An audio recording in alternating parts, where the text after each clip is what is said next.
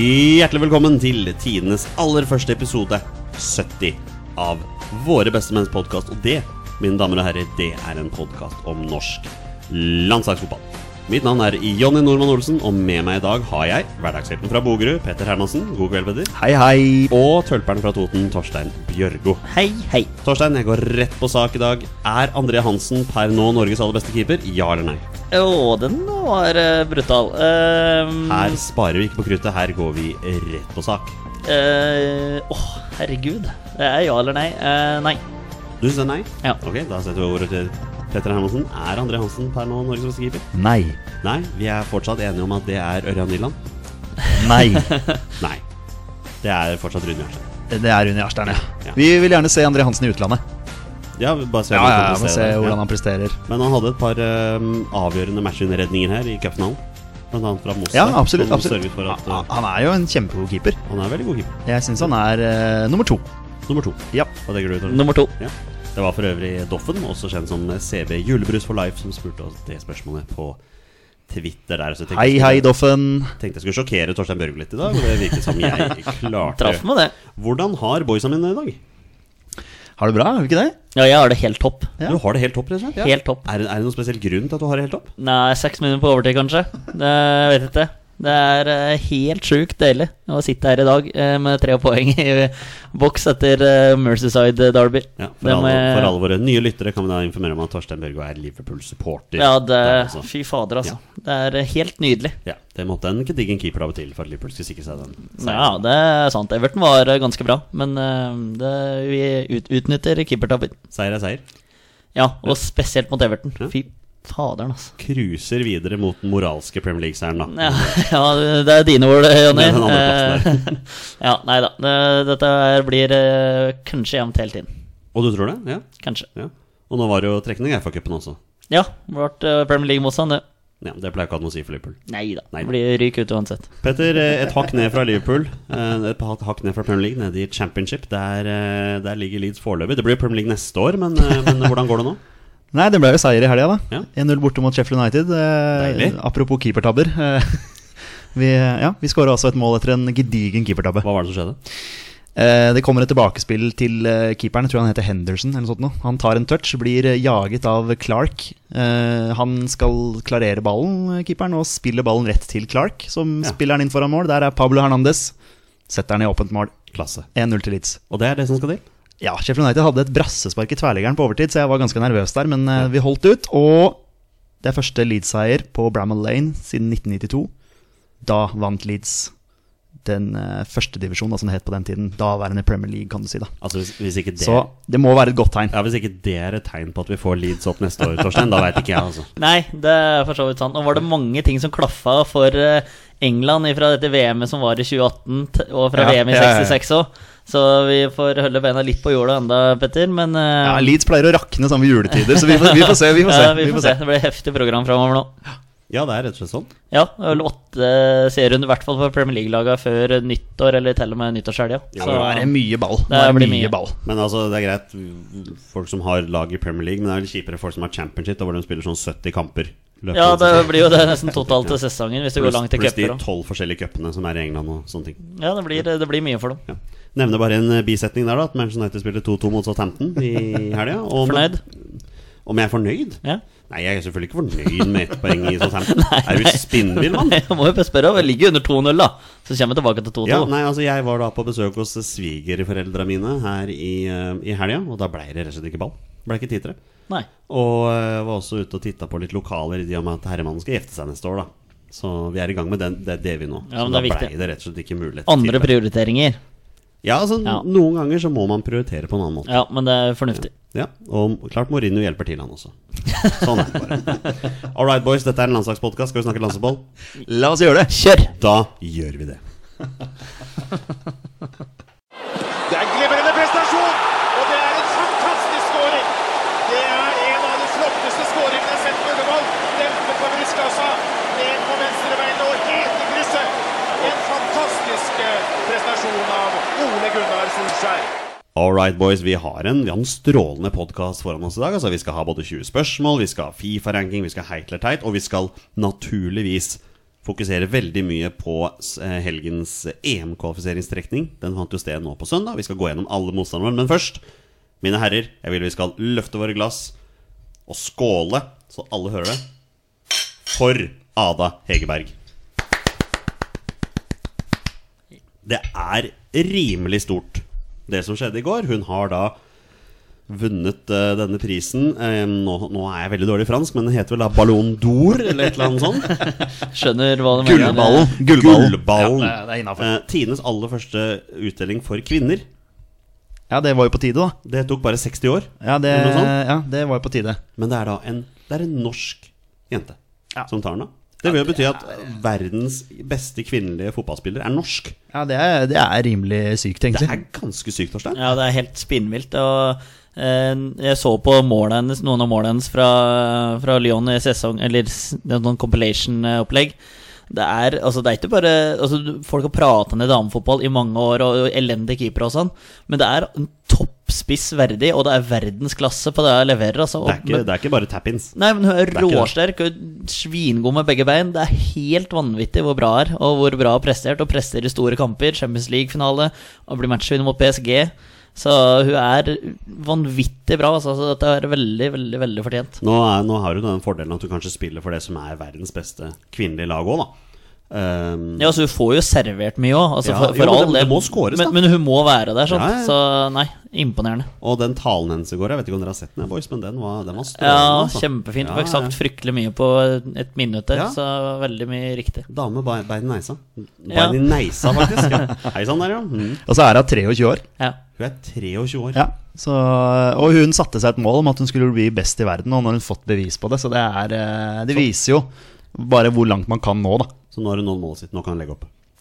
Ja, nå vil vi ha henne tilbake på landslaget. Det er vel Nå- det vi tenker. Vil vi så absolutt ha henne tilbake på landslaget, og det er fint at du spør om det, for vi har jo naturligvis fått noen spørsmål i forkant her, og det er da Øyvind, også kjent som Norguero, fastlytter der, eh, spør har dere tro på at Lise Klavenes kan løse opp i konflikten mellom eh, Hegerberg og landslaget? Altså, Lise Klavenes, Klavenes er jo da nyansatt i NFF i en eh, topprolle der. Hun har jo satt seg som et, virker som et slags mål da å løse opp i den konflikten her. Um, Petter, vi, jeg tror ingen vet 100% sikkerhet hva denne konflikten egentlig går ut på. Nei, i hvert fall ikke vi.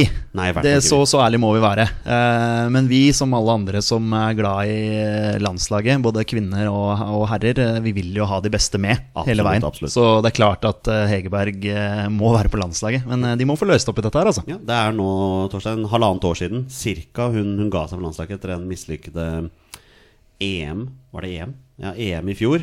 Um, og den, den konflikten har tydeligvis vært der, og det virker som det er en isfront som også inkluderer spillerne.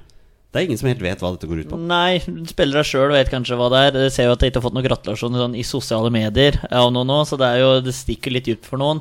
Vi prater på at det er årets lag som ble satt opp i Norge, eh, så blir det ikke tatt med der heller. Det er, det er veldig mye som skurrer her, da. Eh, og så Vi vet jo ingenting, i hvert fall ikke vi tre som her, sitter her, som Petter var inne på. Men uh, det kan eh, være høyt opp i systemet. Det kan være Sjøgren, som, er, som er ikke lik at det setter seg sjøl foran laget. Så har hun sjøl sagt i media at det blir sett på som en stor syndebukk, at det på en måte alle er imot hun òg. Så eh, vi vet jo ingenting, men eh, det er klart at eh, hun er en verdensstjerne, og da bør hun kanskje bli behandla som en verdensstjerne òg. Ja, altså det, det, er trekker, det er mange som trekker inn Zlatan da, som et eksempel på dette. her altså, Han er litt sånn primadonna-nykker og er litt sånn stjerne, men fått sjansen i Sverige likevel. Så mm, er det på en måte vår versjon av Zlatan, dette her? Ja, det kan det jo fort være. Og så er hun så jævlig god, da. At eh, jeg tror på landslaget ville vært, eh, altså, ville vært veldig tjent med å ha hun med. Ja, åpenbart. Altså, Du vil jo ha med den beste spilleren. Så jeg håper de ordner opp i dette her. Jeg Altså. var inne og så på statistikken på landslaget. Hun er 23 år og står allerede med 66 landskamper. Så det er, det er rimelig solid der. Altså. Um, Norlink, også en følger oss, han spør da Best i verden, men ikke best i Norge. Kjør debatt. Ligger, her ligger mer bak enn hva vi snakker om, og det er faen meg trist. Og han tenker jo da naturligvis på det faktum at Ada Hegerberg ble i går kåret til verdens beste kvinnelige fotballspiller, men hun har ikke fått plass på årets lag i Norge, som da stemmes fram av medlemmene til NISO. Og, og det tyder jo bare enda mer på det du sier, Torstein. Det er noe som stikker under her. Ja, og det der blir jo bare pinlig og smålig, hele greia. Eh, nå har sikkert mange lest det der innlegget fra Leif Welhaven i VG òg, og det oppsummerer egentlig hele greia. Det er så, Eh, det er så barnslig. Ja, men det er Og så hva var det han, hva var det han skrev på slutten der? Eh, Han som stilte spørsmålet. Syns han summerte opp helt på slutten der. Ja, her, her ligger mer bak enn Ja. hva man vil snakke om, og det er faen meg trist. Ja, det er faen meg trist. Det er, så, altså, det er, det er, bare, det er bare trist. Det skal ikke være sånn. Nei. Altså De to som ble stemt fram på topp, var jo da Guro Reiten. Det er jo naturlig at hun Ja, skal det er jo være greit. Eh, og så en islending som jeg ikke husker navnet på nå, men som spiller for Røa. Og som Leif Welhaven også skriver. All mulig respekt til den islendingen, som sikkert har gjort en bra sak, men hun skåra 14 mål for, for syvendeplassen i toppserien. Og med all mulig respekt, det er ikke Ada men Hegerberg-nivå. Selvfølgelig skal Ada Hegerberg vært der. Her, går det, Ja, her er det tydelig. Her går det på person og trynefaktor. Det går ikke på ferdigheter. Nei, men det ser du det, det, det tydelig. Ja, ja. sier seg selv. Ja. Jeg syns det bare er pinlig, hele greia. Ja, det er helt, helt, helt latterlig. Men um, det var ikke det mest latterlige som skjedde i går kveld. Det er så absolutt Nei, det var, ikke det var storm. det mest latterlige som skjedde i går Nei. kveld. Og vi, vi må ta dette her. Men jeg, jeg kjenner at jeg begynner å bli forbanna. Bare sitte og snakke, bare sitte og snakke om det her. Her har vi da Ada Hegerberg blir kåret til verdens beste kvinnelige fotballspiller. Mottar prisen på scenen, holder en kjempefin tale. Og blir bedt om å twerke på scenen. Ja, altså, ja Jeg kjenner jeg blir irritert. Jeg kjenner jeg blir skikkelig irritert på å snakke om Snakk om å regelrett pisse på kvinnefotball. Og du blusser opp til det der metoo-greien som ble eh, du, Altså, du kan dra det inn der. Selvfølgelig kan du dra det inn der. Eh, nå hadde det roa seg litt, og i hvert fall inntrykk av, hvert fall rundt om. Det var fryktelig mye som skjedde, både i filmverden og sportsverden. Eh, og politikerverden, eh, og ratt mye mer. Eh, og TV 2 hadde jo masse. Eh, og så blusser det opp i det der, og det var litt sånn som Petter var inne på i går. Så Når vi drev og pratet sammen på Facebooken vår, så du hadde vært blitt bedt om å ta en seiersdans, så hadde det vært noe helt annet. Men når du blir bedt om å twerke, så er det så spesifikt, da. Det er så Eh, smålig. ja, ja, ja, men da, da det Da blir det så kvalmt, og det, det, og han, han sa, sa jo den beklagelse, beklagelsesvideoen han la ut sjøl på Twitter, han Å, for DJ-en. en beklagelsesvideo det Så, var. så la han ut at det var språklige problemer. Men, eh, Det er så dumt! men det som er greia, er jo at han eh, spør spørsmål på fransk. Ja, og det. DJ-en er fransk, Ja, så jeg veit ikke helt hvor disse språklige utfordringene der kommer fra.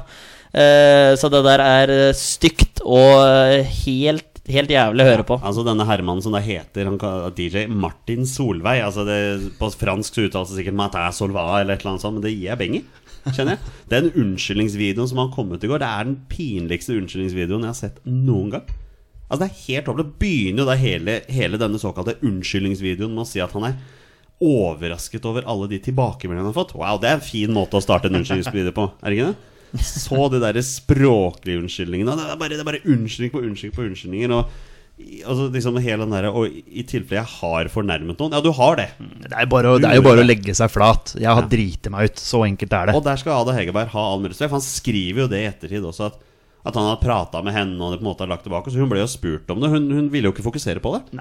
Og hun sa at for henne var det ingenting. Jeg tror det var noe der. Hvis du ser reaksjonen hennes Ja, når hun blir spurt om det, så ser du at det der, det der irriterte henne grenseløst. Men hun er såpass proff at hun velger Hun vil ikke at det skal være fokuset. Nei, og det er helt, eller, helt grei måte å løse det på. Ja. Men hadde hun fått muligheten til, så er det ikke umulig at hun hadde klappa til. Eller sånt, så det er, Det er mulig, hun gjorde det på Ja, det kan jeg godt hende hun gjorde det. Men for å snu det positivt igjen, da. At hun blir jo hylla av Luka Modric, som vinner denne gullballen for herra. Hun blir hylla av Kylian Mbappe i PSG. Eh, som vinner Ballon d'Or for eh, under 21. Eh, hun blir hylla av David Ginola, som leder denne utdelinga her. eh, og sier at dette er den første i rekka av mange. Så mm, dette her er eh, Ja, og det kan fort være at det er mange i rekka òg. Ja. Så dette her er eh, kjempemorsomt. Og nå får vi bare få tilbake på landslaget nå.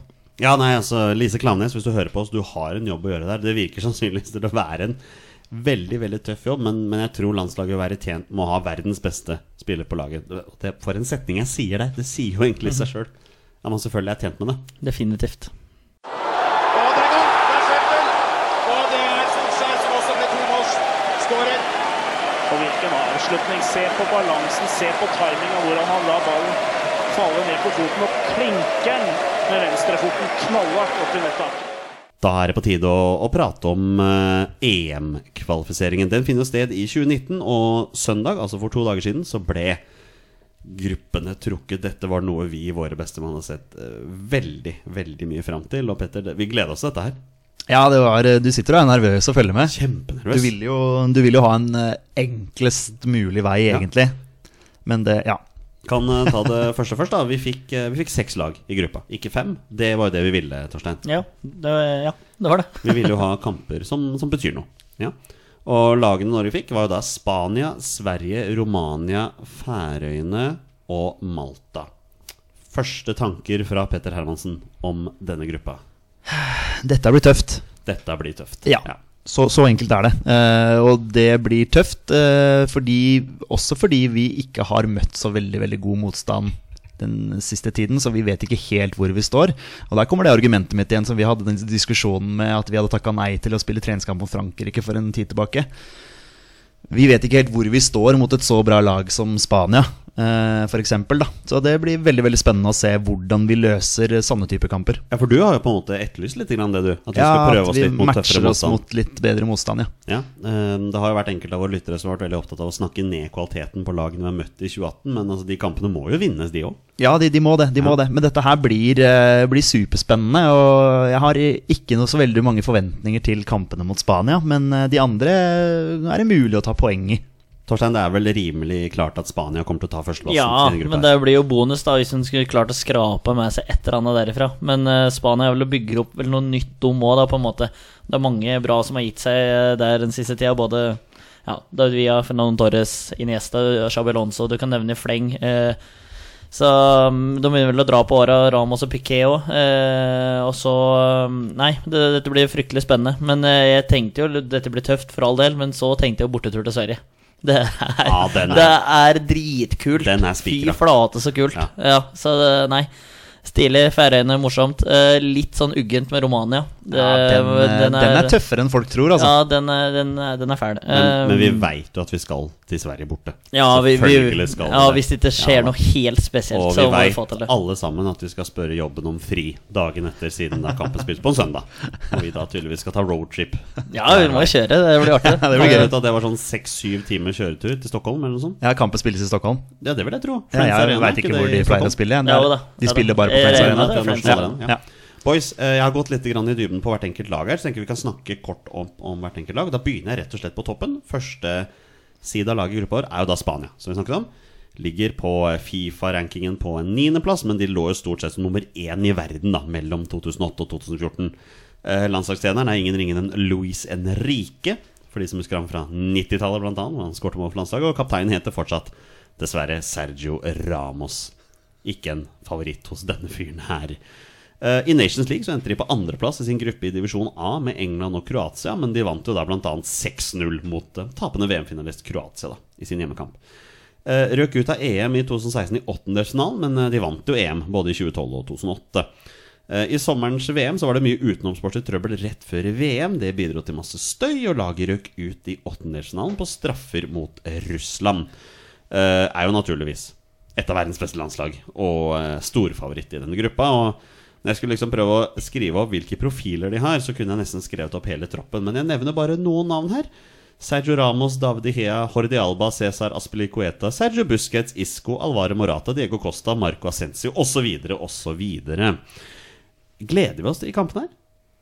Ja, ja, det er klart vi gjør det. Det er jo, altså Som Torstein sier, det er jo bonuskamper. Sant? Å få Spania til Ullevål, og det vil jo sannsynligvis by på fullsatt Ullevål. Eh, Det bør det gjøre, Det, altså. det bør de gjøre. Ja. Og det er klart at hjemme mot Spania Altså, man veit jo aldri. Kan man kanskje klare en uavgjort der og raske med seg nå? Jeg tenker at Det vi får en fin pekepinn på, er at før den kampen så møter vi både Sverige og Romania hjemme. Så da, da får vi vite litt om hvor, hvor landet ligger der, da. Men eh, Torstein, altså, hva, hva skal til for at Spania ikke skal vinne den gruppa her?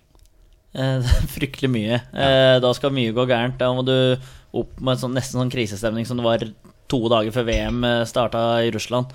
Eh, at det er så fryktelig mye utenomsport Nei, vi trenger ikke prate om alle disse seniorene, for Spania er storfavoritter i denne gruppa her uansett. Eh, skal ta mange mulige poeng er det? Seks ganger tre? 18? Nei, det blir mer enn det òg. Ti! Ti ganger tre? 30? Jeg kommer Ja. bare på seks Skal vi lag. prøve å Nei, komme en, oss videre? Er du ferdig nå? Jeg har en toer matte fra videregående, så jeg tar med den. Um, nei, men dette her blir eh, fryktelig tøft. Spania er storfavoritter, men jeg holder på at det er bonuskamper. Uh, jeg har ikke noe trua på at vi får med oss noen poeng likevel, men uh. Det blir jo sannsynlig Det er jo andreplassen vi må kjempe om her. Det, såpass ærlig må Ja, vi jo være. Ja, det, det, vi kan ikke si noe annet. Altså. Og det er sannsynligvis to andre lag da vi skal kjempe om den andreplassen med. Og da kan vi rett og slett gå på det laget som er andresidet til vår gruppe. Og det er ingen ringere enn Søtabror. Det er Sverige, gutta. Det er Sverige. Ja. Det er Lars Lagerbäcks Norge mot Janne Anderssons Sverige. For det er det landslagstreneren til Sverige heter, i tilfelle noen lurte på det. Eh, jeg kan bare nevne Spania ligger på 9.-plass på Fifa-rankingen. Sverige ligger på 14.-plass. Så det er ikke så himla stor forskjell der. Hvem er kaptein for Sverige? Torstein? Andreas Grankvist? Det er Andreas Granquist. Manchester United-aktuelle Andreas Granquist. Granen. Ble jo en kulthelt for mange, da. Ja, Gra- I- Granen. Ja, Fins det en eh, forsvarsspiller i verden med bedre straffeskudd? Rune Tangen. Ja, men hvis du tenker aktiv, da. da. ja, ok, han er ikke aktiv lenger, nei. nei ok. Nei, det kan godt hende. Sverige vant jo sin gruppe i Nations League divisjon B eh, foran Russland og Tyrkia og har dermed rykket opp til divisjon A. Eh, skal eventuelt møte Bosnia i playoff hvis de ikke klarer en direkteplass. da. Eh, kom seg helt til kvartfinalen i sommerens EM etter et meget sterkt gruppespill mot Tyskland, Mexico og Sør-Korea. Slo da sterke Sveits i åttendedelsfinalen, men ble for eh, svake mot England i, i kvartfinalen der, da. Eh, Sverige har deltatt i fem strake EM-sluttspill, men har røket ut i gruppespillet fire av de fem gangene. Tilbake i 2004 kom de helt til kvartfinalen. Og her er en haug med kjente navn. Jeg nevner ganske kjapt Mikael Lustig, Viktor Lindeløf, nevnte Andreas Grankvist, Martin Olsson, Sebastian Larsson, Markus Berg, Johan, nei, John Gudetti og naturligvis kanskje den store stjernen Emil Forsberg. Ikke Pontus Jansson.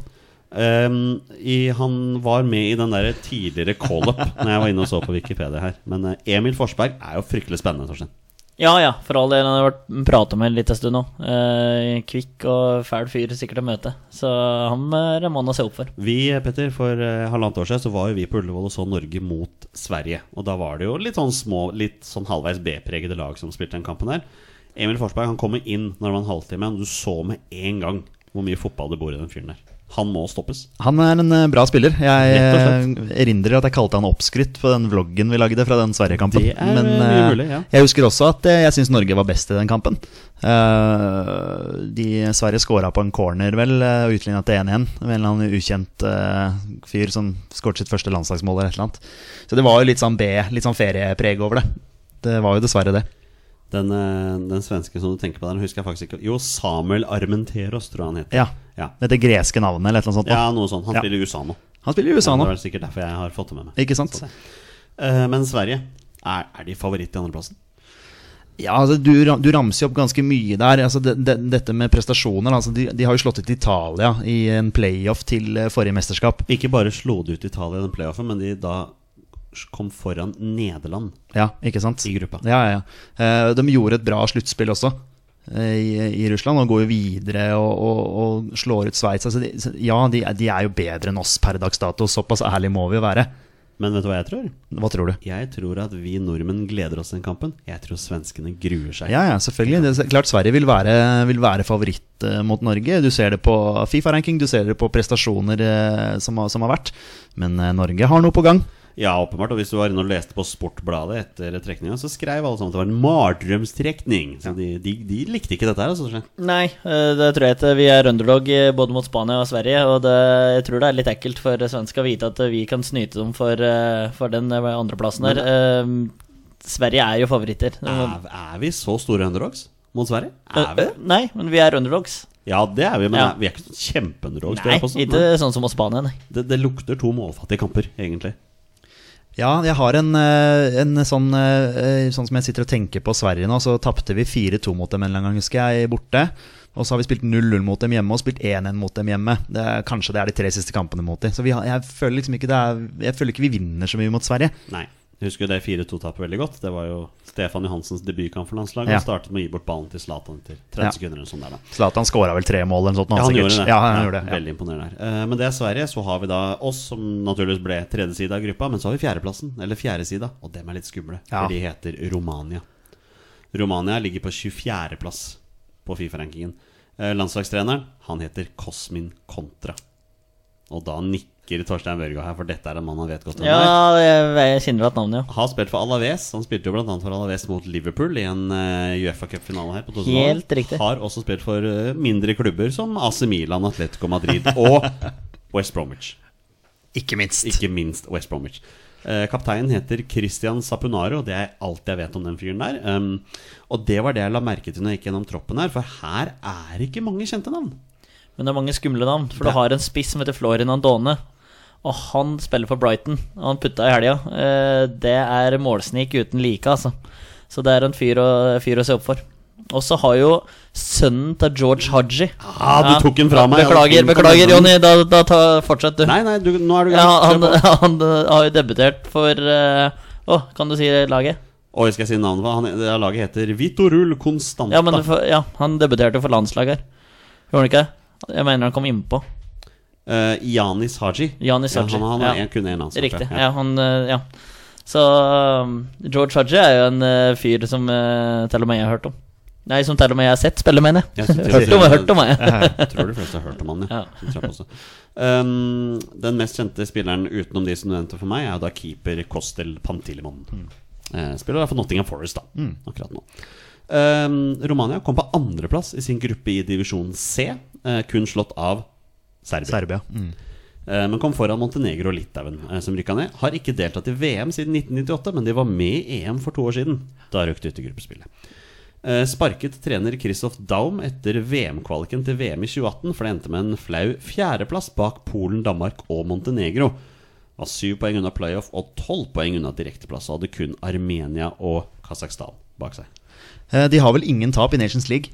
Nei, det stemmer. Eh, De har eh, to uavgjort også mot Serbia, som da vant den eh, gruppa. der Så de er, et, de er et veldig vanskelig lag å møte, altså. Tre seier og tre uavgjorte der, ja. Bogdan Stanku, er han fortsatt med på landslaget? Oi, men du, du spør så vanskelig, vet du. du Ja, men må- han skårer jo når eh, E Frankrike åpner EM på hjemmebane. Så, så utligner han jo for Romania der. Og så skårer han på straffe i gruppespillerkampen etterpå der òg. Oh, ja, for jeg trodde det var han der eh, Andone som nettopp ble, ble nevnt her. Nei da, Bogdan Stanku han er en eh, Men dette, dette her er jo vår på en måte ulempe med å ha rykka opp et nivå, kan du si. Altså i Nations League, det som gjør at vi havner i seeding pot 3, mens Romania, da, som er nummer 24 i verden, havner på seeding pot 4. Vi kunne fått lettere lag. Ja, altså, i er jo, seeding på jeg syns vi er maks uheldige med å liksom Vi får Romania, som kanskje var det beste i den eh, seeding-potten der, da. Så det, det var noe dritt, rett og slett. Så jeg tror det der, spesielt bortekampen mot dem, det tror jeg kommer til å bli tøft, altså. Vi kunne fått Kypros. Vi kunne fått Ja. Estland, vi kunne fått Litauen. Vi får Romania, som da var nest, rangert nest høyest i pott Hvem var det som var høyest der? Ungarn. Ja, selvfølgelig. Ungarn Ja, jeg var jo sjeleglad for at vi slapp unna dem, i hvert fall. Men Ja, eh, Ungarn, Romania, Hellas og Albania var jo de jeg minst ikke ville ha. Og Montenegro. Så, så nei, det er en tøff gruppe. ja, det er en veldig tøff gruppe. Det er rett og slett å si sånn. Og Romania Man veit jo ikke så veldig mye om det, men vi veit jo at det kommer til å bli skummelt der nede. Ja, men Det er en grunn til at de ligger såpass høyt oppe på rankingen også. De har uh, hatt gode resultater. Og som sagt, ubeseira i Nations League, det er jo noe, det òg. Vi, vi klarte å ta opp for Bulgaria borte, så ja. Vi er nok på et uh, ja, rel altså, la, litt lavere nivå enn Romania også. Per Men nå, altså. Romania kan jo ta poeng fra Sverige òg. Altså, det er det som er Absolutt. på en måte, Hvis vi Absolutt. skal snu det her, da. Ja, ja, ja, vi må jo tenke positivt, Ja. selvfølgelig. Og jeg tror uh, fremdeles at, at vi fort kan ja, og ha nesten som mål å gå ubeseira på hjemmebane. Og du, du tenker så høyt, Ja, jeg vil tenke såpass høyt at vi må, vi må jo først og fremst legge grunnlaget hjemme. Vi har fått et spørsmål til her fra Øyvind, også, ja, Norguero, da, tilbake. Og han spør om det du nettopp nevnte, Torstein. Hva tenker dere egentlig om å ha Romania i gruppa? Er det fint fordi de kan ta poeng fra Sverige og kanskje Spania, eller er det skummelt fordi de kan ta poeng fra oss? Hva velger vi da? Ja takk, begge deler. Nesten eh, ja, jeg, Ikke ja takk, begge Nei, ikke ja takk, nei takk. jeg, jeg, velger å, jeg velger å tenke først og fremst det der som det siste du sier der, at eh, de kan være vanskelig for oss. Selvfølgelig.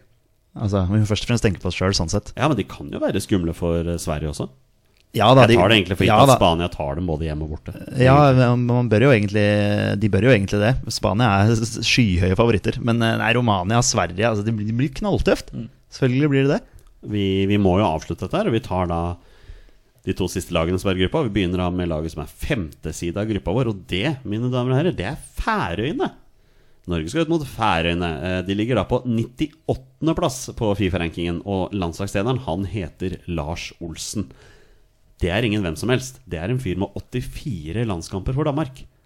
som har spilt for både Brønnby, Trabzonspor og Basel. Har trent Randers Odense, og han har trent Færøyene siden 2011. Og man kan si at Færøyene de har hatt en liten golden age eh, siden han eh, tok over. Um, I 2014 og 2015 så slo de Hellas, både hjemme og borte. Og borte, den borteseieren førte til at Claudio Ranieri fikk fyken som eh, Hellas-trener der. Så alle Leicester-supportere kan si tusen takk til, eh, til Lars Olsen der, da, for at han havna der.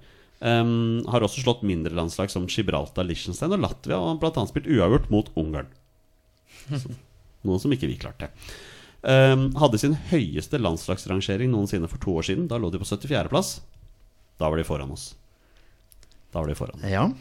Uh, de har aldri gått i EM eller VM, og samlet statistikk for Færøyene i EM- og VM-kvalik er som følger. 13 seire, 13 uavgjort, 112 tap. Så det er en mininasjon vi har å rutte med her. Og blant de mest kjente spillerne så har vi keeper Gunnar Nilsen. Han har jo spilt for Manchester City og Blackburn, blant annet. Gilly Rolandsson spiller for Brann, og han var jo veldig ute på Twitter her og proklamerte at Færøyene kom til å knuse Norge. Og Rogvi Baldvinsson spiller for Bryne. Jeg tenker jo at dette er et morsomt uh, bekjentskap. Hva tenker dere? Ja, ja, det, det er jo det. Jeg så det var veldig mange som skulle på bortetur til Færøyene. Det var, ja. det.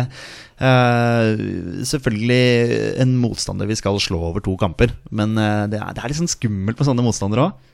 I hvert fall når de, de har jo noen eh, spillere der som uh, kanskje kan skape litt trøbbel for oss. Ja, de, de har noen som, som kan skape trøbbel, men Torstein, altså, vi skal vinne disse her. Ja, det skal være seks poeng. Ja, det skal Eh, må Det må regne- være målet. Ja, ja. Vi må bare regne med at det skal være det. Og så får vi heller bli Men det blir jo bonuskamper for Færøyene. Dette her da gitt at de har noen forhåpninger å gå videre i det hele tatt. Men at de kan slå Norge eller slå Sverige, det er jo kjempemotivasjon for de gutta oppi der òg.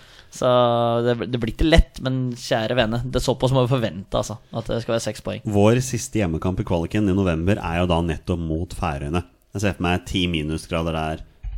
Norge allerede utslått mot Færøyene. 1000 tilskuere på Ullevål. Eller motsatt. Norge fortsatt med. Må slå Færøyene. Fullstappede tribuner i ti minusgrader i, i november der. Ja. Kan være gøy. Ja, det, dette blir kjempemoro. Ja. Det blir ordentlig, ordentlig artig. Kan også nevne bare at ki, eh, kapteinen til Færøyene heter Atle Gregersen. Ja. Ja. Her er det sikkert mange navn som alle har hørt om da. Og vi avslutter da med bunnlaget i gruppa. Eh, altså bunnlaget i form av at de er side altså nummer seks. Det betyr jo ikke at de kommer til å havne nederst, men jeg tror de er favoritt til å havne nederst. De heter Malta. Eh, hvor ligger de på Fifa-rankingen, Torstein Mørgo? Uh, Jeg kan si at Færøyene ligger på 98.-plass. Ja. Hvor ligger da Malta? nei, skal vi si uh, 88. Malta ligger på 182.-plass Og det er i såpass. verden. Det gjør de. Eh, Landslagstreneren heter Rey Faruja, og kapteinen Petter Hermansen Vi vet så godt hvem det er. Det er. fortsatt Mifsud. Det er fortsatt Mikael Mifsud. Oi. Legenden med 134 landskamper og 41 mål. Hvor gammel er han nå? Eh, jeg tror han har passert 70, men jeg er ikke helt sikker der, da. Holder seg godt. Eh, han har skåret 41 mål for Malta. Toppskåreren til Norge gjennom tiden heter fortsatt Jørgen Juve.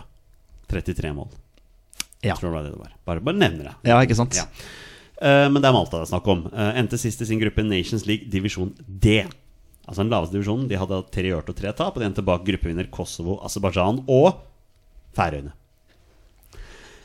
Eh, Malta har vunnet én landskamp på to år. Det var en treningskamp borte mot Ukraina.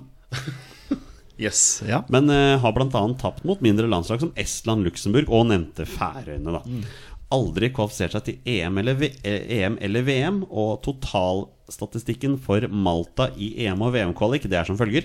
Fem seire, 24 uavgjort, 175 tap. Målforskjellen er på 82-588. Å, fy fader. Um, ja, rett og slett et av verdens svakeste landslag i forhold til Fifa-rankingen. Og ikke minst, Petter Arnesen, en arena du og jeg har vært på. Ja, vi har vært der. Vi har Sett vært Norge vinne. Vant 3-0. Ja, ja, ja. Ja, ja, ja. Så nei, igjen, det, det, er, det er seks poeng som gjelder mot uh, Malta. Det er åpenbart Ja. seks poeng som gjelder. Um, vi husker jo veldig godt uh, taxituren vår fra hotellet til stadion. Da. Ja. Men veldig ivrig maltesisk taxisjåfør som um, nevnte at det her kommer til å bli gjort. Hus, ja, jeg husker han sa det. Men jeg husker også hjemmekampen vår mot Malta. Da Da var det nesten fullsatt Ullevål. Og det er liksom noe med det der som du sier, at eh, når vi har noe å spille om, så spiller det ingen rolle hvem vi møter. Da, da kommer folk og ser på. Så vi får bare håpe at vi er med hele veien her. Ja. Jeg husker den kampen for tre ting, sånn som du nevnte. Det var i 2015. Fullsatte tribuner. Eh, Alexander Tetti skårer med skosåla. Ja, veldig rar scoring. Eh, veldig eh, rar scoring. Og Martin Ødegaard skåret sitt første landslagsmål. Nei, det gjorde han ikke, for han bomma faktisk på den, på den megasjansen. Var det da der. Søderlund endelig skårte? Ja, det var det. Ja, På åpen ja, ja, på åpent mål der, ja. Blank. Martin Ødegaard hadde en bom som ja, alle, hele stadion jubla, så ja, det, den gikk utafor. Vi jubla, vi også. Ja, vi gjorde det. Eh, Torstein, du nevner at Færøyene skal være seks poeng. Hva er da Malta? Nei, er det mulig å få noe mer? Nei, men, men Mål, målforskjell, målforskjell. Ja. Med dine mattekunnskaper, tenker jeg på. Altså, Ja, Da blir det fort sju, altså. Da blir det sju poeng. Det blir fort sju. men, men nei, det skal vinnes. Selvfølgelig. Det er så enkelt. Og det, dette er de to lagene som ikke har noe å spille for en gruppe her. Sånn utgangspunktet. Sannsynligvis ja. Ja. Altså, det er jo så enkelt. Det er, det er så enkelt, rett og slett. Da tar vi en liten titt på kampoppsettet, som vi også skal ha. Vi starter jo da kampene allerede i mars, og da er det Spania borte. Lørdag 23. mars, og Sverige hjemme. Torstein, eh, Petter, dette er tøffe kamper å begynne med. Ja, det er bare å kaste seg ut i det. Men det er jo kanskje greit å bare bli ferdig med Spania borte. Ja, det, det var det første jeg tenkte. Ja. Ok, da er vi Ja, da er vi rett og slett ferdig med det. Ja, da, da trenger vi liksom ikke å tenke mer på det. Nei, og- og jeg tenker utgangspunktet mitt er bortematch mot Spania. Da har vi tapt. Altså, ja, altså det- såpass ærlig må vi jo bare være. Ja, og så er jo alt annet Klarer vi å raske med oss et poeng der? Klarer vi å være såpass kyniske? Men, eh, og kanskje Spania ikke har kommet helt i gang siden er første matchen. Og, altså, ja, det er litt sånne ting, da. Og det er ingen som veit hvordan kampen skal spilles. Fordi det, Nei, de turnerer vel litt rundt omkring i Spania. To Ja. måneder før. Eller noe Ja. sånt, ja. Men Torstein, Sverige hjemme. Det er første hjemmekampen vår i mars. Det er jo Som Tobias Store Sudala, han spør jo oss på Twitter hvilken kamp eller kamper er liksom de aller viktigste hjemmekvalkene for Norge. Hjemmekampen mot Sverige, det, det kan fort være vinner forsvinn allerede første hjemmekamp. Altså. Ja, hjemme mot Sverige og hjemme mot Romania, eh, tenker jeg. Altså, Som er den påfølgende kampen ja, i juni. det er liksom altså, Står vi med seks poeng etter de tre første matchene, så er det en kjempestart. Men hva om vi står med null? Da er det en krisestart, selvfølgelig, men hvis du står med fire, så er jeg fortsatt likevel optimist. Uavgjort mot én av dem og seier mot eh, det andre, uavhengig av hvem det er. Selvsagt artigst å slå Sverige. Uh, så er ikke- da er vi fortsatt med, altså. Uh, men det er jo klart at det står med mindre enn fire poeng etter de tre første matcha. Da begynner det å se mørkt ut, og da må du fort Da må du være avhengig av andre resultater, og så må du ha ei vanvittig rekke sjøl. Jeg tenker at uh, tre poeng bør være minimumskravet på de tre første kampene. Ja, det er Ja, det- absolutt det- det er minimum. litt- det er litt for Det er litt for lite. ja, men minimumskravet? Ja, jeg, Altså, jeg mener minimumskravet skal være fire poeng. Okay, okay, det må være minimumskravet. Ja. Det mener jeg i hvert fall. Da. Ja, og så får Fordi vi ja. du, jeg, jeg mener at det må være et må, en målsetning å ikke tape hjemmekamper. Selv ikke mot Mm. Spania. Altså. Det skal være mulig å raske til seg et eller annet eh, på hjemmebane. det Selv om det kanskje blir en, ja, en bonuskamp, det også. Og det har vi jo øvd på i 2018. For når vi ledet hjemme mot Slovenia, når vi leda hjemme mot liksom de mindre lagene, så var jo vi på tribunen sånn angrip, angrip, angrip. Men det var jo ikke det som var planen. Nei, det er, kynisme, det er en kynisme i, i stilen til Lagerbäck, og det, det er jo det han har fått resultater med òg. Altså, man slipper inn veldig lite mål. Skårer dessverre ikke så mye. Det er jo det som er ankepunktet. Det klart, det er lettere kanskje å forsvare seg mot Slovenia, Bulgaria og Kypros. Så det er ikke så lett å forsvare seg mot Spania. Selv om du ligger da med alle mann i forsvar, så klarer de på en eller annen måte, selv uten spiss omtrent, å brodere seg gjennom. Så det tror jeg blir vanskelig uansett. Det blir veldig spennende å se om vi tør å være like offensive, f.eks. med bekkene, da. Mm. Når vi er i de kampene der. Etter de tre første der, så er det Færøyene borte. Det er den siste kampen i juni. Så tar vi en bitte liten sommerferie, og så torsdag 5. smeller det hjemme mot Malta. Torsdag 5. september. To kamper der på rad som må bli seks poeng, Torstein. ja, ingen tvil. Og så følger vi det opp søndag 8. september. Sverige-Norge. Uh. Jeg kjenner jeg får, jeg får litt frysninger allerede. Ja, det er, noe, det er spesielt å møte Sverige. Det er spesielt å møte Sverige og Danmark. Sånn er det jo. Og du og jeg skal mase vettet på Petter hver dag, så for at han har sikra oss de billettene. Ja, Ja. Du er jo billettansvarlig. Ja, jeg er han billettansvarlig. seg på jobb, eh, Pettersen. Kommer man seg på jobb, ja. Da er det fire kamper igjen. I oktober, lørdag 12. og tirsdag 5., så møter vi henholdsvis Spania hjemme og Romania borte. Og da er spørsmålet hvor mange poeng kan vi hoppe på de kampene? Vi, altså, vi kan hoppe på seks, men vi får, vi, vi får ikke Eh, Fire er Nei, tre er kanon. Eh, egentlig Spania blir tap, men altså, det er jo klart, humpete Ullevål-matte. Vi kan eh, satse på å få satt eh, spannola litt på plass. Eh, håper på fire, da. Eh, Det er for øvrig en faktor her som ikke vi har tenkt på når vi tenker på dette, og det er at Romania skal jo arrangere EM. det er jo en av de Mm. tolv Det er et av de tolv landene som skal arrangere EM, så de har jo en kjempemotivasjon i forhold til å komme seg til dette mesterskapet. Ja, absolutt. Men, absolutt. men spurte etter poeng vi håper på, altså to mot Ja. Spania hjemme og Ja. Romania borte. Håper på øh, fire. Ja, da, da, da, da skal jeg være kjempefornøyd. Jeg tror Ja, ikke det er, det bare, det er ikke jo- bare bare å dra til Romania og ta med Nei, seg nei, nei, nei, men du spurte hva jeg håper på. Hva Ja, jeg, ja, tror, jeg hva jeg tror, så ett. Ja. Ja. Det er uavgjort mot Romania borte. Men vi avslutter da i november, fredag 15., hjemme mot Færøyene. Og så avslutter vi mandag 18. borte mot Malta. Skal du på tur, Petter? Nei, Nei, vi har jo vært der før. vi har det. Ja.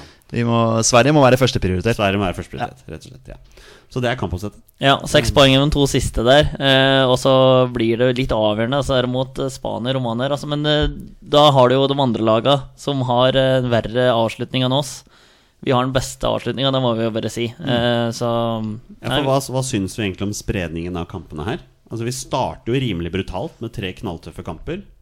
Og så avslutter vi lett i gåsehudet. Jeg syns det er helt greit. eh, Avslutninga er helt kanon. Den er helt suveren. Starten kunne vel nesten ikke høre verre, sånn egentlig, men altså for all De må jo spilles uansett, da. Ja, det må, det må jo spilles sånn uansett. Så det, det. Men at vi kan få fire poeng mot Sverige og Romania hjemme, da har jeg ordentlig trua på dette her, altså. Og så har vi jo den der lille gulroten, da. Med tanke på at hvis vi ikke klarer dette her, så har vi en bonus. Og det er da den playoff in the Nations League som spilles av mars 2020 mot Serbia. Eller blir det Serbia? Ja, det, vi, vi håper vel å slippe Serbia. Vi håper å slippe Serbia, og da må vi, hvis vi ryker sjøl, så må vi håpe at Serbia klarer å kvalifisere seg direkte. De er i gruppe med Portugal, Ukraina, Litauen og Luxembourg. Er, Serbia, Serbia det er ikke det. umulig at Serbia klarer det. Nei, da bør de klare. De bør bli nummer to i den gruppa. Da har vi Finland. Er det Da det som er mest det Finland på Ullevål. Ja, det er betydelig lettere. Ja, og da har vi, har en, vi har- syns vi har en veldig fin sjanse i kvalik-gruppa her, og så har vi en kjempefin mulighet for Serbia å kvalifisere seg. Ja, For da er det Finland hjemme, og den andre semifinalen da, så er det Skottland mot Bulgaria. Ja. Med mindre noen av de landene kvalifiserer seg direkte. Ja, nei, vi, vi, vi eh, må være fornøyd med at vi har den ekstra playoff-muligheten hvis dette her skulle gå skeis. Men eh, det hadde jo vært artigst å gått direkte til EM. Ja. Det hadde vært utrolig stort. Kan bare nevne for moro skyld at Finland da er i den siste gruppa, gruppe J. De er i gruppe med Italia, Bosnia, Hellas, Armenia og Liechtenstein. Så det er mye som skal til da for at, eh, for at Finland går videre der.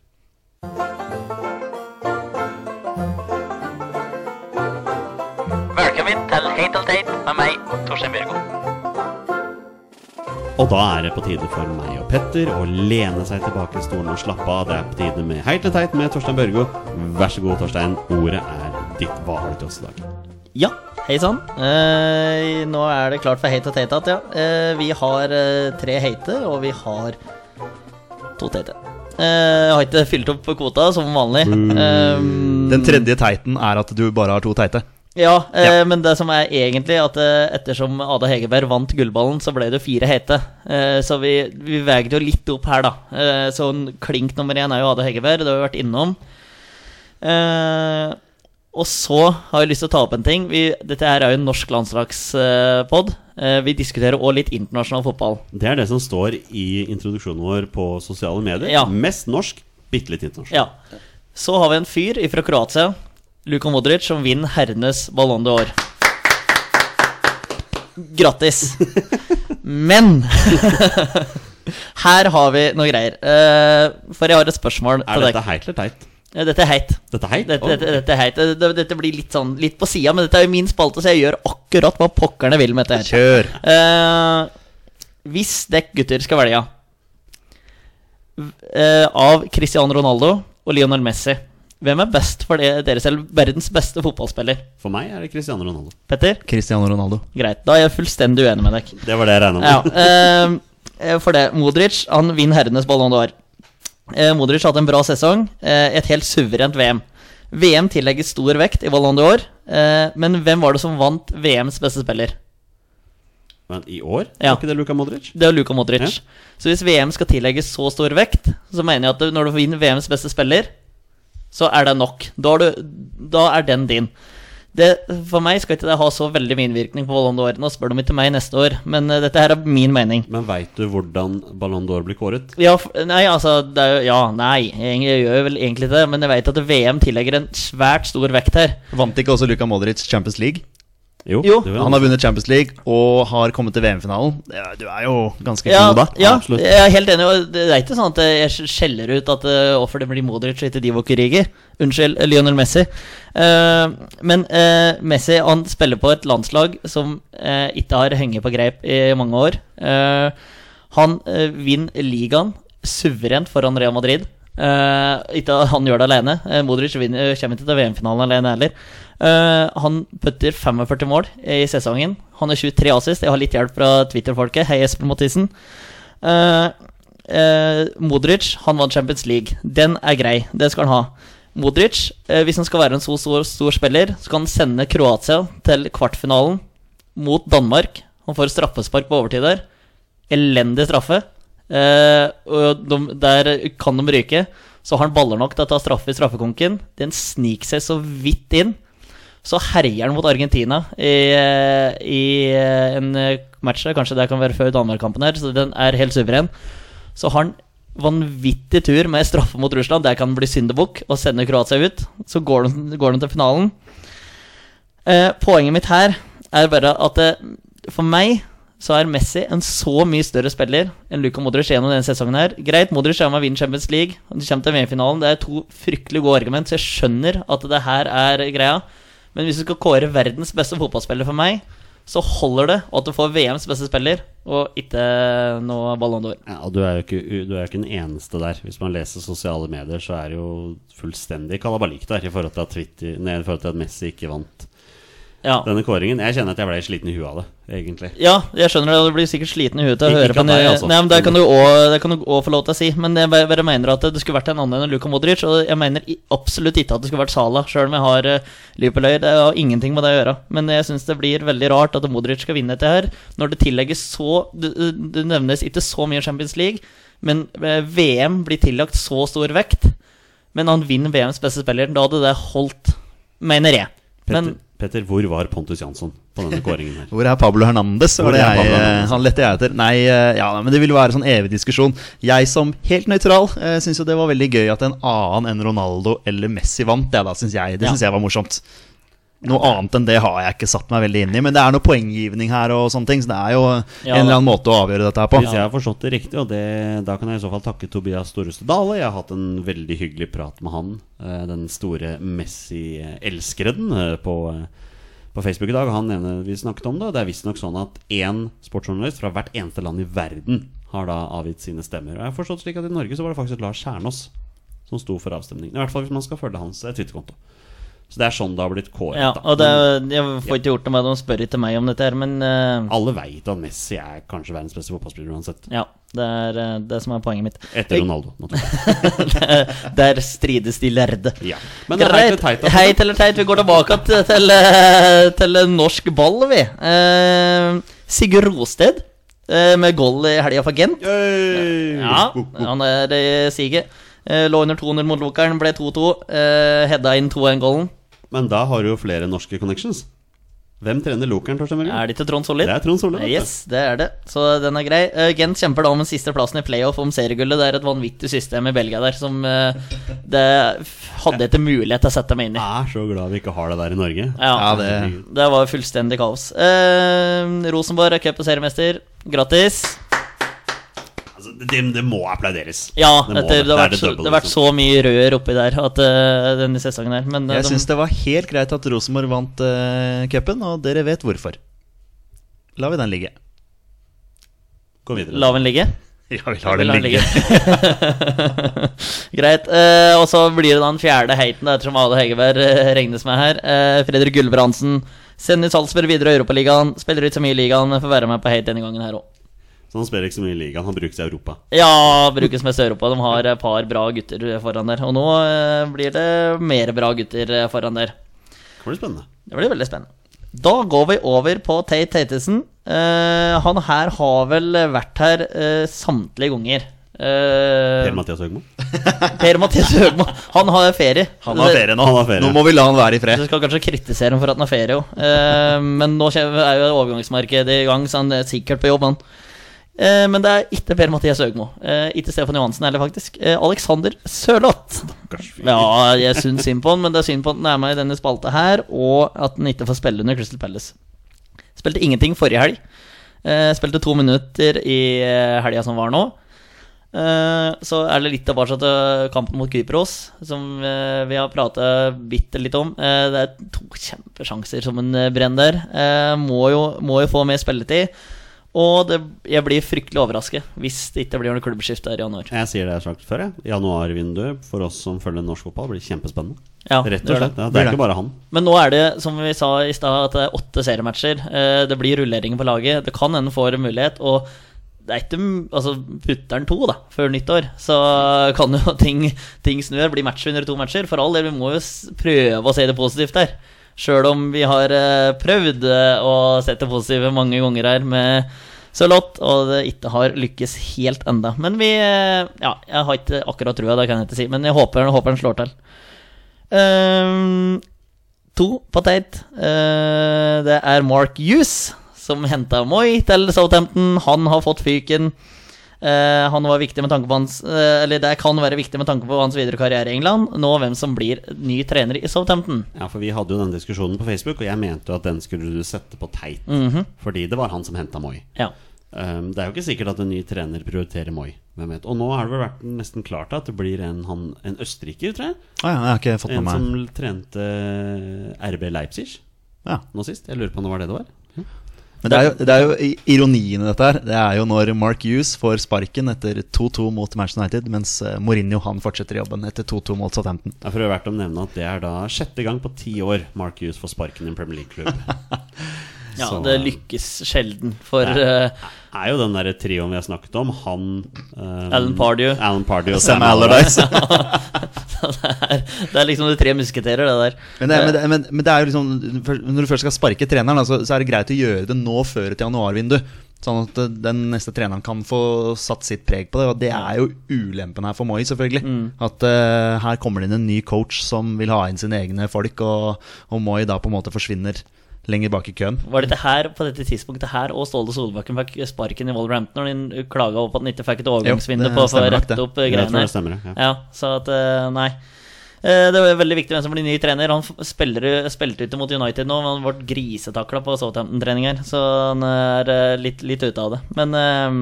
Men når du nevner Solbakken her, det kunne, det kunne vært verre. Du kunne vært Leeds-manager. Nå husker Leeds sparket manageren dagen etter at overgangsvinduet ble stengt. Der er det lett å være, da er lett å være ny manager som kommer inn. Ja, samme i Palace. Det er når eh, nei, han, eh, Tony Pulis sier seg liksom rett når sesongen er i gang, eller to dager før sesongen er i gang, eller noe. Det er jo, eh, apropos det, da. Ståle Solbakken gjør det jo kanonsterkt med København her nå. Så Ja, I Europa, i hvert fall. Ja, jeg men lurer på de om det gjør går det- litt mer trått ja, de gjør det ganske bra i ligaen. Ah, ser du. det? Ja. ja. Eh, De vant 5-1 borte her i helga. Eh, Det kunne jeg jo egentlig tatt meg på heit, da. Men uh... Det går ikke så bra med Sivert Helten Nilsen når vi først er inne på dansk fotball. Nei. Nei, for han sånn. har begynt å bli benka, han da. Ja. Ja. Mm. Kunne nesten vært en teit, det. ja, vi, vi, får se. Men- Eh, Da takker eh, jeg for meg. Så du har to teit? Ja. Ja, Kan jeg få gi deg en teit, da? Gi meg en teit. Ja, da gir jeg en til DJ Martin Solveig, eller DJ Merta Solveig. Eller Twerk, som han kommer til å hete på, på Twitter Ja, framover. det er vel berettiga. Ja, men eh, takk skal du ha, Torstein. Jo, null Alltid en stress i fryd å joggedress. høre på Heit eller tveit. Nå skal vi rette fokus over til Herman på andre sida her. Han skal finne fram Fifa-rankings-eksperthatten sin. For nå Nå skal hun ha ditt på Fifa-rankingen.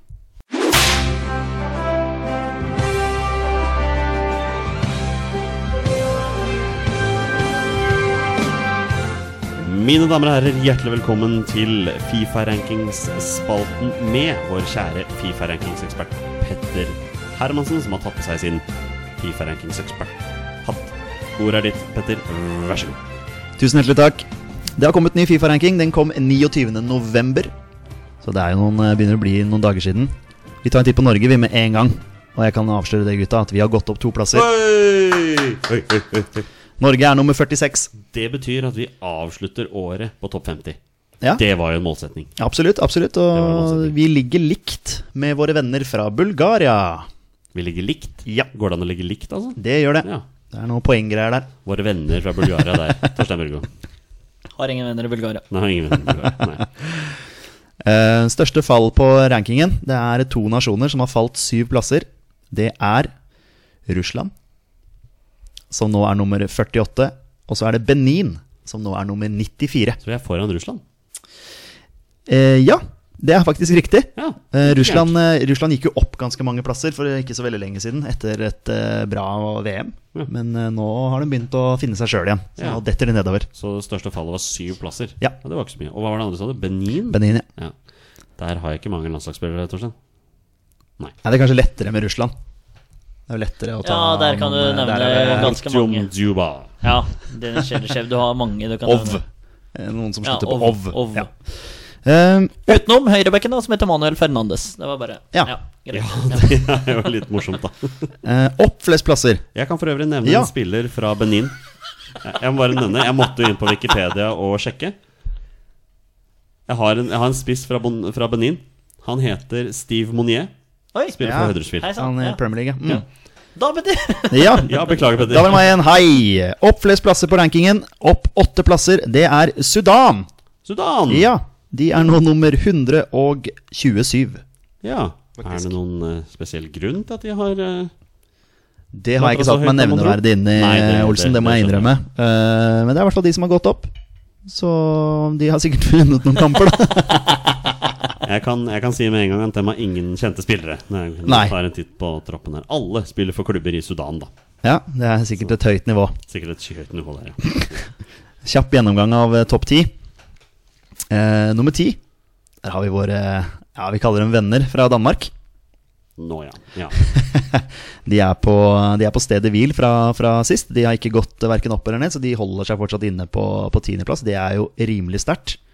Så det er noe, no, noe å strekke seg etter. Eh, nummer ni har jo du vært innom, Olsen. Det er Spania. De har heller ikke gått opp eller ned. Sveits er nummer åtte. På eh, syvendeplass er Uruguay. De har falt ned en plass. Så er det Portugal på sjette. De har gått opp en plass, altså de to har bytta. England er fortsatt nummer fem.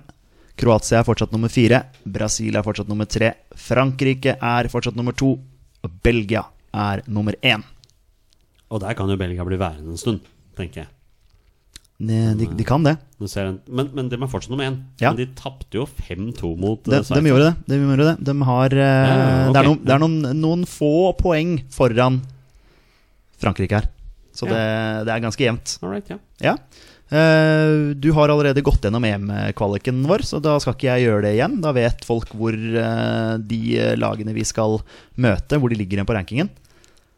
Så det er egentlig alt fra meg. ja. Takk for meg. Bare beklaget, Petter, at jeg Nei, det, tok, er, litt grann fra deg. det var helt innafor, det. Som vi nevnte i en pause her mens du slo meg med pisk, det var, det var ikke meningen. Jeg, Du er tilgitt. Det er jo tross alt desember og snart jul. Ja, det er 20 dager til julaften. Det er deilig. Og vi gleder oss. Det gjør vi. Og vi er tilbake neste uke også. Med Pond Det betyr ikke at vi skal gi oss nå. Nei, det er nei, klart nei, Vi, vi skal fortsette videre. Takk for eh, Fifa-rankingen. Bare hyggelig. Er det på tide å avslutte med en runde med 20 spørsmål, boys? Lett. Det er det. Da spiller vi 20 spørsmål.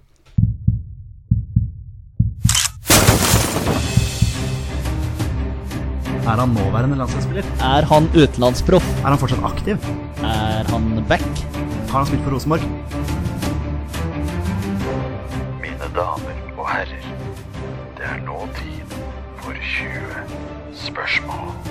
Oh yes, mine damer og herrer, det er på tide med en ny runde med 20 spørsmål her i Våre bestemenn. Og nå kommer jeg til å si det. Det er både Torstein og Petters favorittaktivitet her i Våre bestemenns podkast. Er det bedre, Petter?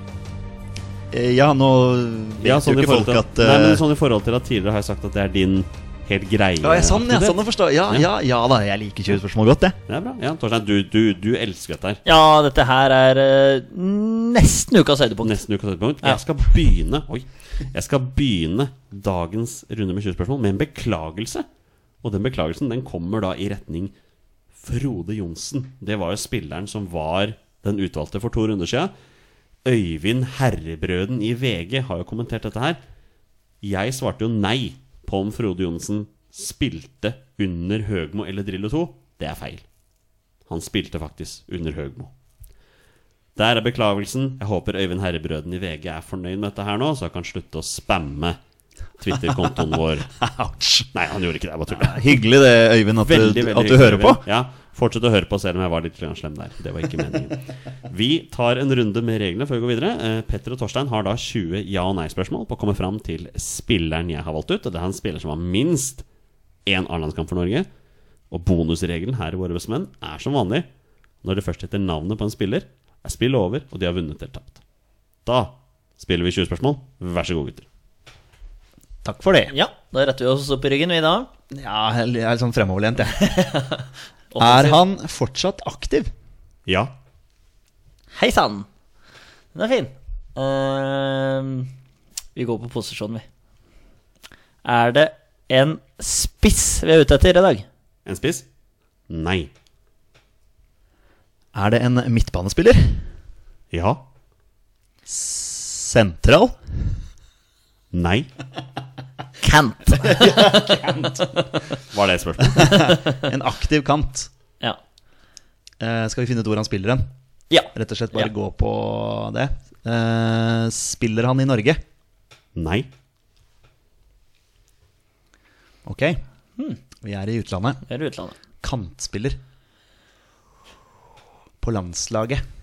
På landslaget. Håvard Nilsen. Håvard Nilsen. Jeg satt og tenkte på han, jeg også. Ja. Har han vært mye i kant på landslaget, eller har han vært vært med spiss? Ja, det er litt vanskelig å si. Men så kan det hende at det sier at han har elleve landskamper, så kan han ha seks som kant og fem som spiss. da Ja, ikke sant? Ja. sånn, og han eh, spilte jo litt under Høgmo, i hvert fall. Ja. Eh, det er mulig han spilte litt kant, da, så jeg er litt usikker på formasjonen som Høgmo mest spilte. ja, det var vel de fleste. Ja, var- Han var vel innom alt mulig. Ja da. Men uh, han er jo en eh, vi kan ha i bakhodet. Ja. Nå, ja. Er det noen andre du tenker, eller? Gustav Wikheim, men han har vel ikke Han har vel ikke vært, eh, landskamper ennå, Nei, han det? det er det som jeg, jeg ble litt usikker i det jeg sa navnet. det tror jeg ikke han har, faktisk. Nei. Han har vel vært en av de som vi kanskje Ja, vi har vel prata litt på, men han har blitt borte og liksom. Um, Men eh, ja, Sahid eh, har jo har vi. én landskamp som innbytter. Ja. Han kommer vel inn som kant. mhm, Det er jo et alternativ. ja. Iver Har han over ti landskamper? Ja. det er det ikke Sahid. Iver Fossuma. Ja, For det telles vel som noen landskamper? eh, ja når, han, når han kommer inn. når vi- Selv om den bortekampen mot Bulgaria Jonny mener bestemt at han ikke har det som tellende landskamp. Ja, det Så jeg er litt usikker på den. Det kommer jeg til å stå på. Om den er med i tellinga. Men eh, nok om det. Ja, Iver Fossum, Så du han på banen i den kampen? Nei, jeg tror ikke du gjorde det. Det er jo mange muligheter her, da. Stefan Altså, Altså, men han må, må ha flest som sentral. Martin Ødegaard. Altså, Ja. Det er jo mange muligheter her. Ja. Hvor går vi videre? Skal vi prøve å finne ut hvor han spiller hen? ja. Altså tenker sånn eh, nasjon, altså eh, liga her. Mm. Hva tenker du? Skal vi Altså- bare gå for en land? Om Ja. han spiller, hvilket land han spiller i? ja. Altså Men uh, hvis, du, hvis du spør hvis, du- hvis du spør Ok, ja. Spiller han i Tyskland eller Nederland? Ja. ja. Den er fin. Da veit vi jo det at det er en av Ja. de, i hvert fall. For jeg, jeg tenkte også du kunne spurt om han spiller for Vålerenga, for da hvis du hadde fått nei der, så hadde verken Håvard Nilsen Håvard eller. Zaid. Ja. Men da lever fortsatt Nilsen. Ødegaard øh, lever fortsatt. Ja. Uh, hvor er Fossum er nå? Han er i Tyskland, han Ja, offer. ikke sant? Mm. Så da han lever jo. Ja, Tysk, ja, ja, for, Tyskland eller. Nederland. Skal vi bestemme oss? Ja, da har vi to i Tyskland, da. Ja, men skal vi bare gå for en av de? Ja. Spiller han i Tyskland? Ja.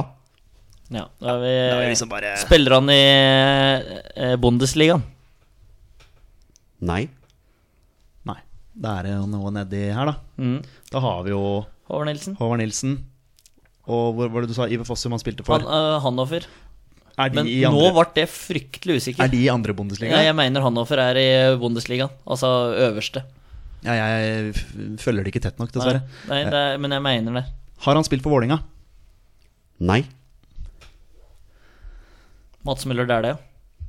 Ja, det er jo også en, selvfølgelig. Han spiller jo nede i St. Pauli. I St. Pauli. Det er vel andre Har du bytta ut etter 34 minutter, det? ja. For det er andre Bundesligaen. 24, kanskje. Ja, samme det. Ja, det er Sveite. Ja. Det er jo også et veldig hett alternativ. Skal vi kanskje peile oss litt inn på han? Har han eh, vært i både Manchester United og Molde? Ja. Da kan jo spørre Er han sønn av tidligere sportsjournalist i VG, Truls Dæhlie? Ja. Er det Mats Møller Dæhlie? Gutter? Det er Mats Møller. Ja, bra, bra jobba. Den tok dere på Yes. 13 spørsmål. Ja. Jeg glemte faktisk å si at dere hadde passert tid. Det er bare å beklage. Ja, det, det går fint. Vi, vi kom oss ganske greit Ja, innafor vi her. eh, Vi fant ut Tyskland der, så Ja. ja. Liten blemme av meg der. Uh, Mats Møller Dæhlie han står med 20 landskamper.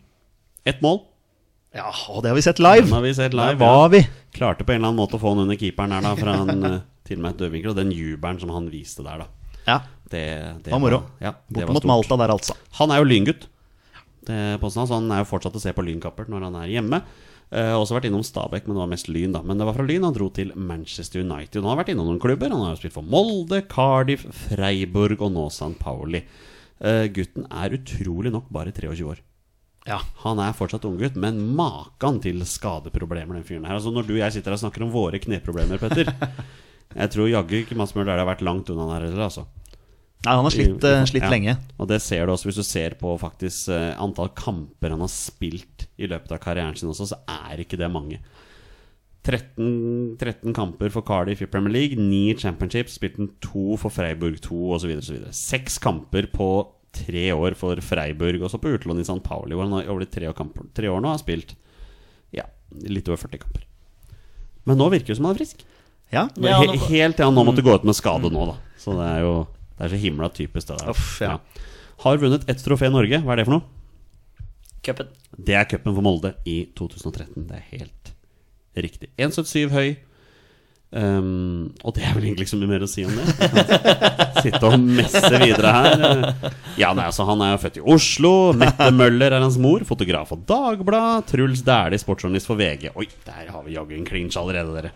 VG og Dagbladet, altså. Men det ble, en, det ble en sønn ut av det, i hvert fall. Så det er noe med det. Um, var ikke i landslagstroppen sist. Han var ikke det. Nei. Nei. Han har pleid å være det, da. Ja, han har jo pleid å være det. Ja. Så, så det var dagens spiller. Ja. Dere klarte den. Deilig. Alltid litt morsomt å se på reaksjonene når det blir en aktiv spiller. Da, da begynner hodene å rulle med en gang. Og Ja. Torstein svarer som alltid med 'hei sann' Ja, det lyser opp da, altså. når, når det kommer en aktiv spiller. Og med det er det på tide å avslutte episode 70. I neste uke er det da naturligvis episode 71. Og nå, vi kommer til å komme med en annonsering på våre sosiale medier konto i løpet av det. Fordi ikke nå en episode, men uka etter skal vi ha en kåring. Da skal vi ha tidenes første VBM Awards. Det står da for våre bestemenn, i tilfelle noen lurte. Vi skal da kåre, vi skal da hylle landslagsåret 2018 med våre egne personlige kåringer, i spedd en hel rekke med både kjente og ukjente folk som skal få avvisende stemmer i et såkalt ekspertpanel. Petter, det gleder vi oss til. Det blir bra. Torstein, det gleder vi oss til. Det blir eh, kjempegøy. Knallbra. Da gir vi oss for denne gang. Vi er våre bestemenn. Heia Norge. Heia Norge. Heia Norge! Og hei!